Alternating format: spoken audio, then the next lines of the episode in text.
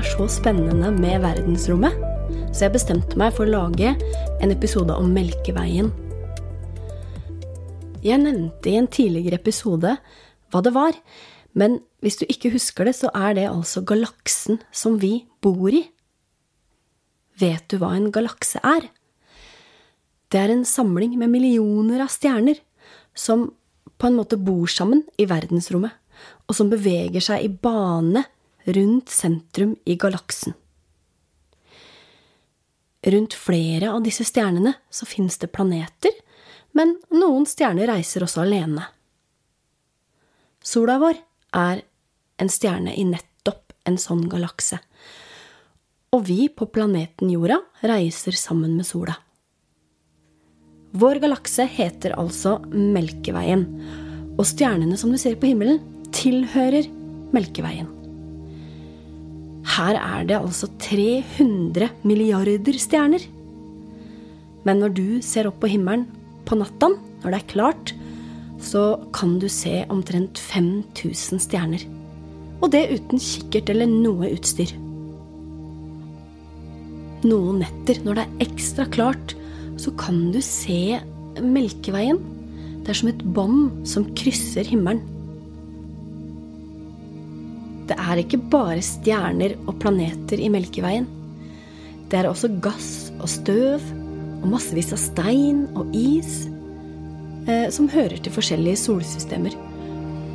Og noen av de tingene her kalles for asteroider, eller meteorider, eller kometer. Meteorider og asteroider er i grunnen store steiner som flyter rundt i rommet.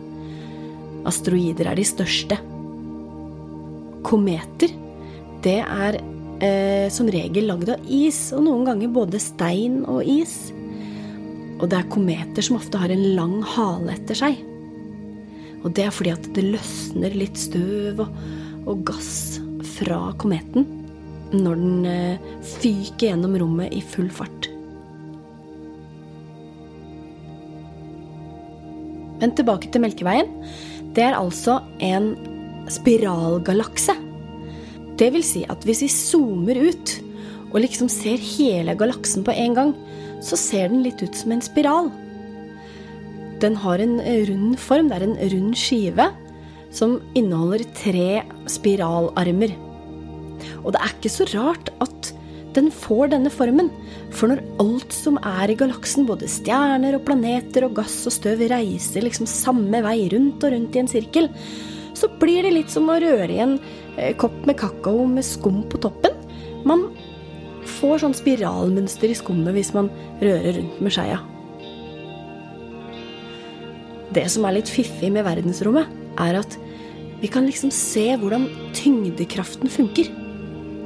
Og det gjør at planeter og stjerner og måner det oppfører seg ganske likt.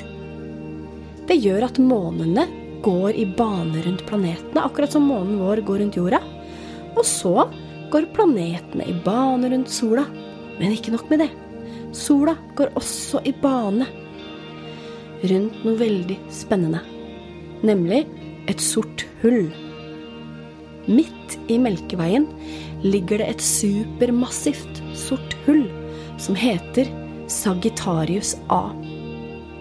Forskere trodde lenge at Sagittarius A var en stjerne. Men nå vet vi at dette er et sort hull. Et supermassivt sort hull. Det er det eneste som er liksom stort og sterkt nok til å holde på alle de stjernene og planetene i galaksen. Du har kanskje hørt at sorte hull liksom suger til seg alt som kommer i sin vei, sånn at det bare blir borte. Det trenger du ikke være redd for skal skje med oss. Vi er langt unna det sorte hullet. Men vi er fortsatt påvirka av tyngdekraften, for det er den som gjør at sola beveger seg.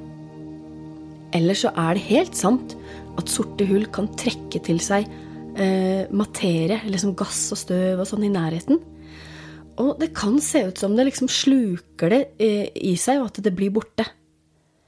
Eh, men det som er, er at vi kan faktisk ikke se hva som egentlig skjer i et sort hull, eller hvordan det sorte hullet ser ut. Det er jo derfor det har fått navnet sitt, og grunnen til det er at sorte hull til og med sluker lyset. Så for oss så ser de helt sorte ut, og i verdensrommet så blir de da nesten usynlige. Så nå vet du en hel del om Melkeveien, men det kan òg være greit å vite at Melkeveien ikke er den eneste galaksen der oppe. For lenge siden så trodde man faktisk at Melkeveien var hele universet. Men nå vet vi om flere milliarder galakser. Og den som ligger nærmest oss, heter Andromeda-galaksen. Og det er også en spiralgalakse som er litt større enn Melkeveien. Andromeda-galaksen kan vi faktisk så vidt se på himmelen, kun med øya våre. Men da ser det nesten ut som en stjerne. Det får være alt for denne gang. I neste episode så skal jeg snakke litt om romfart.